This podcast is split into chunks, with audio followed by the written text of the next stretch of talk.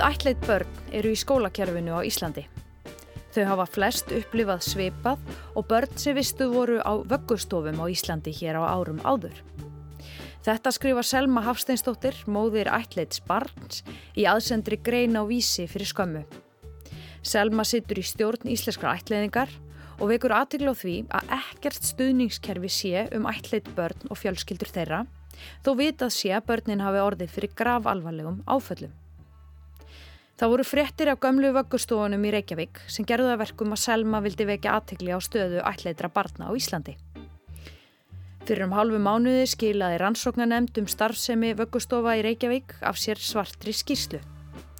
Þar kom fram að börn sem vistu voru á vöggustofunum voru líklegri en aðrir til þess að verða öryrkjar, þau lifa skemur en aðrir og þau glýmdu við markvíslega erfileika á lífsleginni.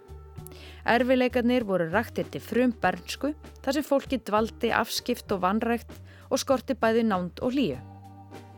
Það var skorið og alfærið tengsl við milli batna og að fóreldra fengu einungis að sjá börn sem getum glér og jafnveg þóttu væru þarna á, á lungum tímabilum þá fengu þau ekki að snerta þau eða taka þau í fangið. Þannig að fólk getur rétt gert sér hugalund, sérstaklega fólk sem á börn, hvernig, hvernig það hefur gengið fyrir sig. Þetta er Kjartan Björgvinsson sem fór fyrir nefndinni. Borgarfulltrúar í Reykjavík fluttu að þessu tilefni tilfinningaþrungna ræður um málið og báðu vöggustofu fólkið afsökunar á óviðunandi meðferð. Þá hefur verið lagt til að vöggustofu börnin fái greitar bætur líkt og aðrir sem að sætt hafa yllri meðferð á ofnböru stopnunum. En að mati Selmu er reynsla ættleitra barna sem koma hinga til landsins sambærileg og vöggustofu barnana og þeirra býði sömu örlög nemaðu fái kerfispundin stuðning til að vinna úr sínum áföllum. Ég bara, þegar ég sá þetta koma svona í fjölumila og það var mjög heitt mál og það voru allir svona sína þessu mjög mikla samúð skiljalega því þetta er hræðilegt mm. og svo voru komna rannsóknir á borðið og stjórnmálmenn voru grátandi yfir þessu og þá hugsaði ég að því að við erum búin að berjast mjög lengi í heimi ætleitra batna að fá skilning og hlustun en það hefur ekki verið skilningur niður hlustun að okkur finnst. Og þarna vildi ég grýpa boltan og bara svona ok, þetta er ennþá raunveruleiki í dag og þetta er ennþá raunveruleiki fyrir batni mitt. Og maður langar bara að koma svona, svona beinskeitt bara út og grýpa þetta tækifæri að þetta var svo mikið í umræðinni Þú veist, þegar maður er að tala um ætlipöld þá er þetta yfirleitt svona fallega romantíska sagan og fólk lokar bara eironum fyrir þessu hræðilega sem er staðrind þegar maður ætla í bann þá er þetta bara staðrind að það var vannrægt, það er að upplifa áföll, það var yfirleitt 95% líkur að hafa verið að bannaheimili sem að er svipað og vöggustúður. Þannig að þetta er bara ennþá raunveruleikin í dag og við erum að díla við afleggingarnar alla æfi og þessi börn. Hvað er það sem er líkt með raunveruleika ætleitra barna og barna sem að voru til dæmis á vöggustofum hér á Íslandi? Það er svo ótrúlega margt. Ég meitt svona, fannst alveg erfitt að rýna í þetta, þú veist, að því manni finnst erfitt að þetta sé raunveruleikin, sérstaklega fyrir batni sitt, bara oh my god, var batni mitt í alverðinu að upplifa svona. En jú, þetta er aðeins falleira, þú veist, eins og bara í okkar tilviki, þá var batni okkar á litlu batnaheimili og þá voru lítir og þá voru leikfeng og svona. En það er þetta, þú veist, fólki er í kvítum læknafötum það er allt svona ekki þeirra hæð, þau get ekki gert neitt eins og kveikja ljós og slökka ljós eða opna hurðar. Uh, það er rosalega strikt rútina, þannig að börnin kunn ekki að finna fyrir svengt, þau finn ekki fyrir því að fara klóstið, þau sofa ógæðslega mikið, þú veist, rútínin er bara dún, dún, dún, dún, dún, allan daginn og þau eru lögðið í rúmið svona um 6-7 á kvöldin og tekin upp klukkan 8 eða 7 morgunin eða eitthvað svo eru látið leggja sig í þrjá tíma á daginn. Og þetta er bara þannig þau eru lögð í rúmið og svo er bara farið. Og það er enginn að koma að hugga þessi börn. Mm. og maður tók eftir því svona fyrstu skiptin þegar við vorum að ætla að strákin okkar. Þá sá maður þetta bara svart að kvítu að þú veist, hann lá bara og beigð kom ekkert hljóð út úr honum, ekki neitt. Það var ekkert að gráta, bara lá og beigð og hann gerði alls konar svona dæmi til þess að sefa sig, til þess að fá sig í svepp og fá sig í ró og það eru sum sem er að gera þetta, þú veist, headbanging, slá hausnum í eða slá sig eða slá í rimlana eða þú veist, er að gera alls konar svona hluti til þess að sefa sig mm. sem er ennþá í dag og sem eru enna þessu. Bara mörgum ári setna að þetta er bara svona fasti í tögakerfinu og mörgu barnaheiminum er að þannig ennþá það veri að reynda alls ekki tengja spötnunum bara reynd markvist að því að tengjast þeim ekki. Að því það er erfiðara fyrir sko börnina hérna, þú veist, rífa svo þessi tengsl. Þannig að það er náttúrulega alveg hræðilegt að þau þurfa þessa tengingu. En þau, já þau fengu ekki þetta sem að börn sem að alast upp á eðlilegum heimilum og ástryggu umkörri það fáðu ekki þessar frum tengingar þannig að heilastarseminara og heilinni výra er allt öðruvísi. Og þau eru alltaf först í fight-flight mót þau þarf að grípa þessi börn. Ég er alveg bara svona þau þurfa að vita þetta. Bara ótrúlega mikilvægt að, Þú ert í stjórn íslenskra ætliðingar er þetta sem veruleiki sem að e, allar fjölskyldur ætliðra barna kannast já, við? Eða já. er ekki mismunandi hvernig börnin koma á sig komin til sko, landsins?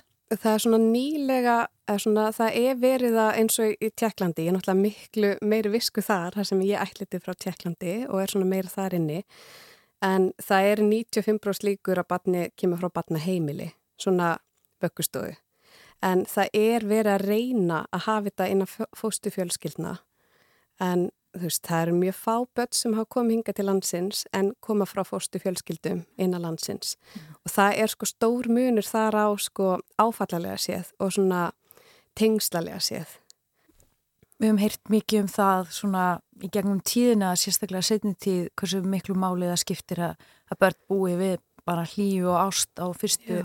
mánuðum Já. og bækur eru skrifað um það af íslensku sérfræðingum en er ábútafant hvernig kerfið tekur á móti ætlaðin börnum að þínu mati þá? Já, það er alveg sko, þetta er sko hýtamál, ég verð alveg bara svona að því að hérna, það er bara svo galið að hver einasta fjölskylda sem að ætlaði barn það þarf að berjast og berjast bara um leið og að koma heim bara berjast að fá stöðning, fá skilning bara inn að heilbyrjuskerfi sinns að segja, þú veist, kannski lesin sagan og fara ekki að, þú veist tala um eitthvað líffræðilegt að þau verum ekki blóðskild, mm -hmm. þú veist, alls konar svona punktar, en aðalega þú veist, innan skólakerfi sinns að fá bara strax stöðning í leikskóla og fá skilningin með hana bakgrunn, af því það ég get fullir það að það hafa allir þurft að berjast fyrir þessu skilning og við hljómum alltaf eins og eitthvað móðusjúkt fóreldri að reyna að fá bara skilningin inn að kerfisins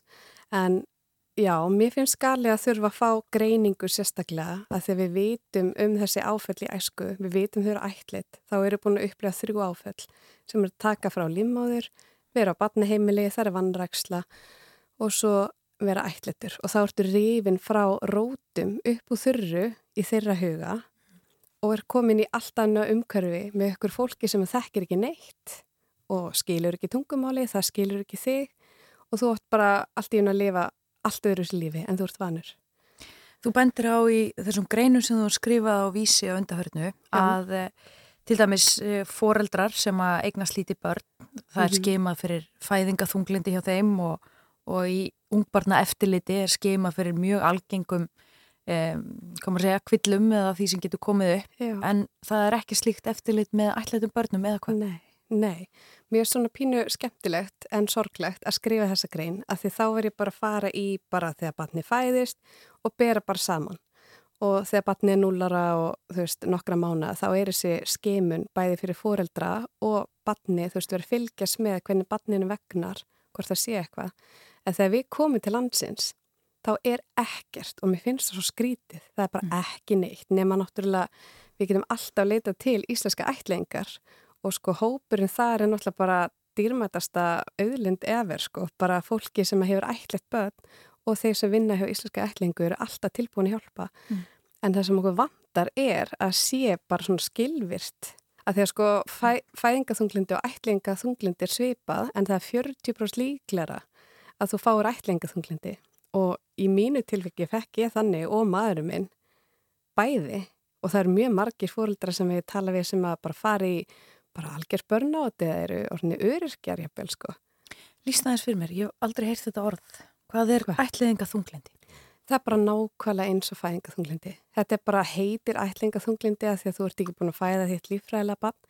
En þetta er bara, þú veist, fer bara í eitthvað kvíða ruggl og bara allt ógislega erfitt og bara líður illa og svo ertu, er það svona, allavega geti bara lísti eins og í okkar tilviki, þá fannst mannin mínum erfitt að vera heima að því að það var svo erfitt að vera heima. Þannig að hann var að reyna að vera ekki mikið heima og ég var svo mikið að reyna að vanda mig að vera besta móður í heimi að því að ég er búin að býða eftir þessi mómenti bara í ógæðslega mörg ár og elska barni mitt náttúrulega meirinn allt og svo leiði mér einhvern veginn ógæðslega illa að því mér fannst þetta eiga að vera svona, svona, svona og ég var bara ekki þar einhvern veginn, þetta er svona tilfinningaflækja og þetta er rosa mikil ást en þetta er rosa mikil kvíði að vera að mistakast og mm. það er erfitt að upplifa þetta að því mann finnst þess að sé eitthvað að sér mm. Var eitthvað í heilbreyðskerfinu sem að eh, greip ykkur? Ekki neitt, ekki neitt. Eru áföllin sem að barnið ykkar hefur upplifað augljós í hver steginu? Mm, nei, alls ekki.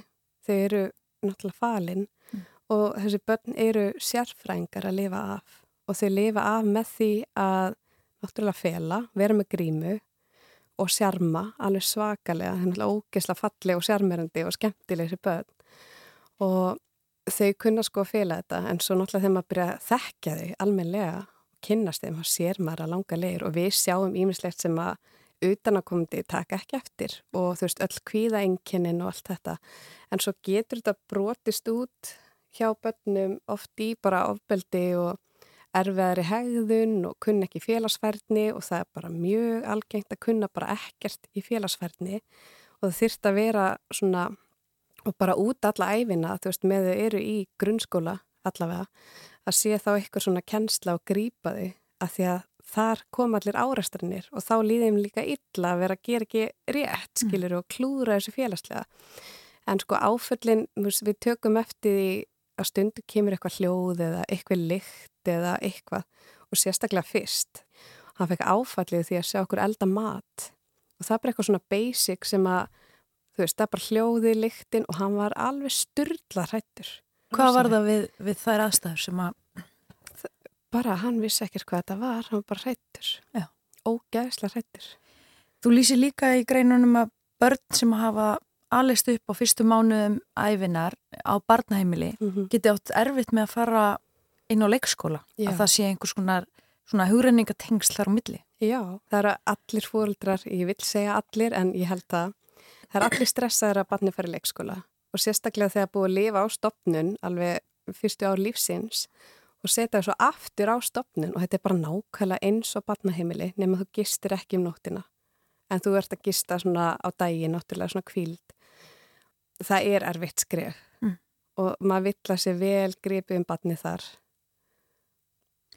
Þú talar um að það skorti á stuðning í þessu mm -hmm. aðstæðum Já. fyrir börn sem að hafa komið frá Já. barnaheimilum og bendur á að það sé algengt að þau séu til dæmis ekki forvitin e, að það séu svona ekki þessi sama þörf fyrir að kanna heiminn og þau séu mm -hmm. leiki sér svona yngverfulega eins og mm -hmm. þú mhm. orðar í greininni. Já. Eh, eru ætlet börn kannski greint með yngverfu?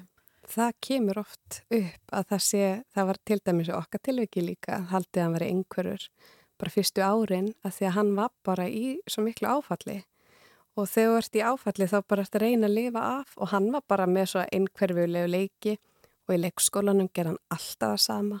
Það bara því að hann var skít hrættur hann var bara ógæsla óörugur og hrættur í leikskólanum. Engverfa, tengslaröskun og að ég háti helst í hendur svona enkennilega séð. Mm -hmm. þannig að þau er ekki forvitin þegar þau eru í áfalli og eru hrætt þá eru þau bara að loka sig af og reyna bara að lifa dægin af. Og með því að vera bara að keira bíl fram og tilbaka í klukkutíma eða horfa þóttavél eða þú veist, það var aðal skemmti efni svona fyrstu mánuðinu hjá strafnum okkar að horfa þóttavilna. Þú veist, ef þú lest um yngverfu hegðun þá er þetta bara svona skólabókadæmi en svo náttúrulega óksan upp úr því og er að blómstra í dag bara taka það fram að þetta er ekki bara ræðilegt, þetta er líka sko þvílik stökk og því líka framfarir mm. og gleði gjafar. Mér langar líka að segja það. Yeah. þetta er ekki bara skuggar, þetta er líka mjög bjart og fallett. En já, vissulega er þetta erfitt að horfa upp á batnið sitt svona.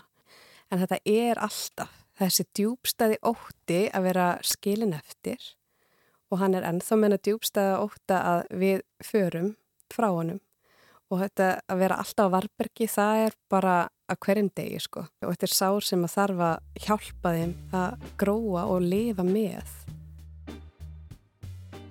Selma bendir á að á sama tíma á mikil samstæðaríki um stuðning við vöggustofubörnin þá hafi nýlega verið dreyð úr fjárvitingum til íslenskar ætliðingar.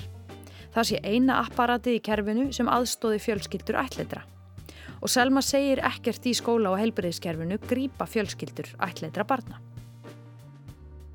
Og fyrir þau sem vilja heyra meira um aðstæður ætleitra barna þá er Selma með hlaðvarp sem kallast Allt um ætleðingar og það má nálgast á helstu hlaðvarpsveitum. Þóra Tómasdóttir þakkar samfélgina í dag. Þetta helst verður hér aftur á morgun strax að loknum háttegisfréttum.